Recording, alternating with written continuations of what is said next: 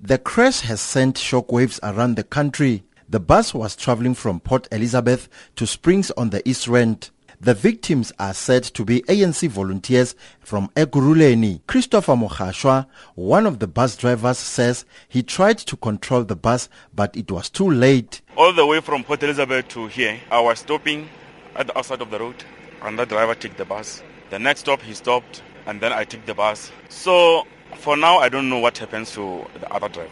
He just complained to me that he's tired, come and take the bus, and he stand up on the steering wheel, so the bus lost control, the control. That's why uh, we got the accident. The condition of the injured is said to be serious but stable at the hospital. Free State Police spokesperson Malebo Hosana says an inquest has been opened. It's about 20 kilometers from Winburg. The cause of the accident cannot currently be pinpointed because we, we believe the investigation is the one that's going to reveal to us what, what might have happened. But according to what we see on the crime scene here, the, the driver has lost control of the bus and the bus overturned. Free State Premier Ace Magashule has sent messages of condolences to the families of those killed in the crash he says South Africa as a whole has lost sons and daughters. Magashule appealed to the families to be strong. As the Free State government, we want to say to their families, let's accept what has happened.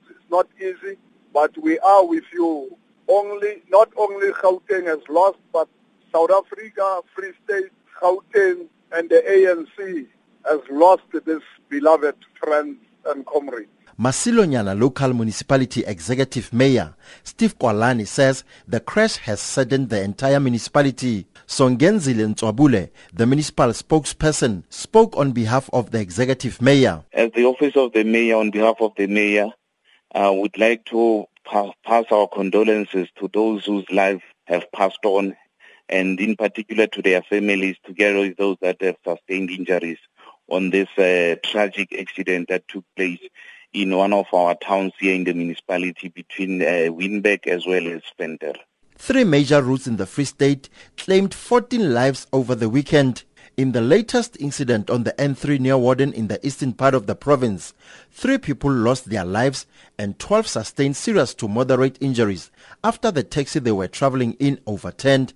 I'm Tabiso Khadebe in Winburg in the Free State.